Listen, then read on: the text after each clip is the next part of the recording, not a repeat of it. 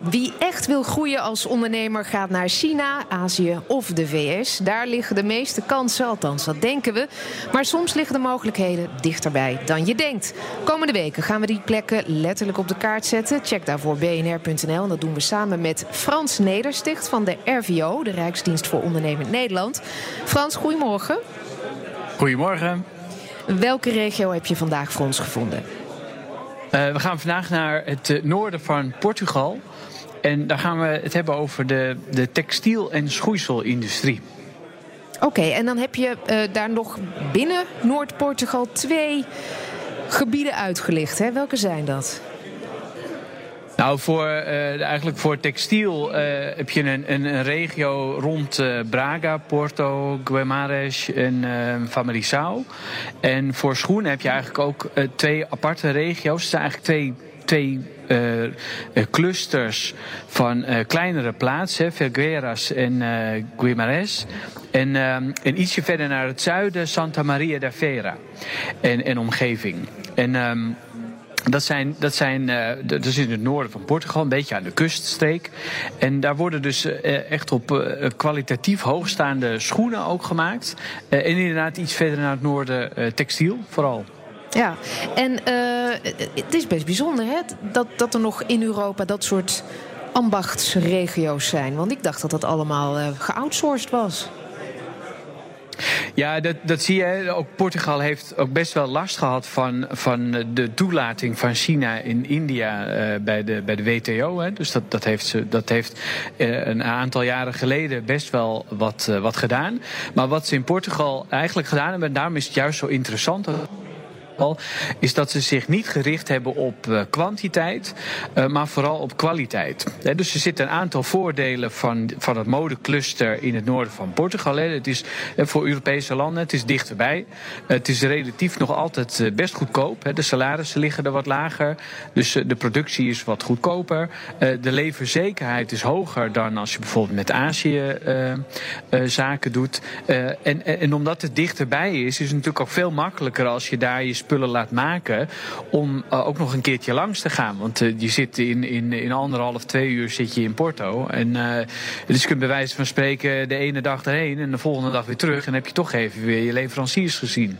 Precies, dus uh, die, die korte afstand is een voordeel vergeleken met Zuidoost-Azië. Maar je zei ook, de leveringszekerheid is groter?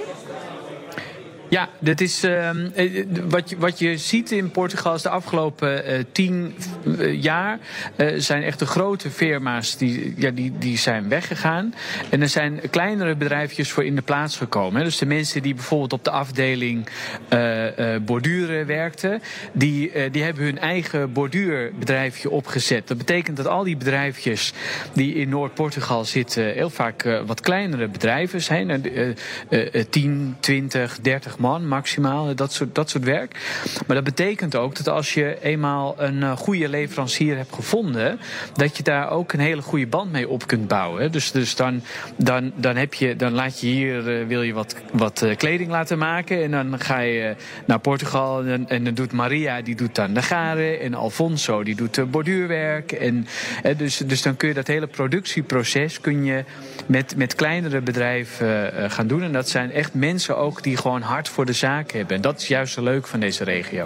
En jij hebt ook uh, een paar voorbeelden hè, van Nederlandse bedrijven die in Portugal hun schoeisel of textiel laten maken. Welke zijn dat? Ja, ik heb uh, gisteren toevallig nog met, uh, met de directeur gesproken van Porté. Dat is een uh, Nederlands productiehuis. zit in Deventer voor mode, textiel en styling.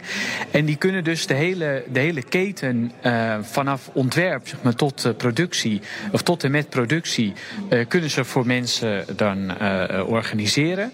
En dat doen ze dus met behulp van een aantal bedrijven in Portugal. Die man heeft daar ontzettend goede contacten.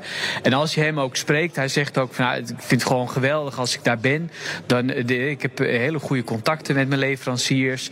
En uh, ik word omhelst als ik dan weer binnenkom. En het zijn gewoon, dan gaan we even wat drinken eerst. En, uh, en, en hij zegt er wat heel belangrijk is, is dat als ik hier met, in Nederland met klanten werk, die, dus als je voor kleinere -hmm. oplages iets wil doen, dus een beetje toch wat, wat exclusiever en kwalitatief hoogstaand.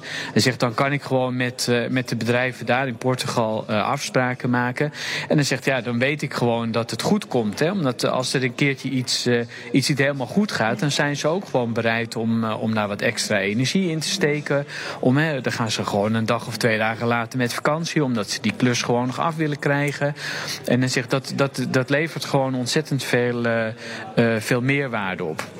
Een uh, ander bedrijf is uh, Mascolorius. Het is een kleine winkel in, in Rotterdam. Het maakt schoenen, echt fantastische schoenen. Kleurige schoenen, echt, ja. ja. geweldig. Echt uh, ook Gaudi-ontwerpen en dat soort dingen. En, de, maar, die, dus die kunnen, die kunnen ook in kleinere oplagen kwalitatief hoogstaand materiaal gebruiken. En ook gewoon kwalitatief hoogstaande schoenen laten produceren. Dat doen ze allemaal met die vaklui die dan in Noord-Portugal daar actief zijn.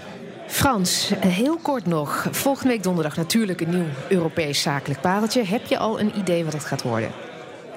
Ja, we gaan, ja, volgende week gaan we weer iets heel anders doen. Uh, we gaan naar het oosten van, uh, van Europa, naar Bulgarije.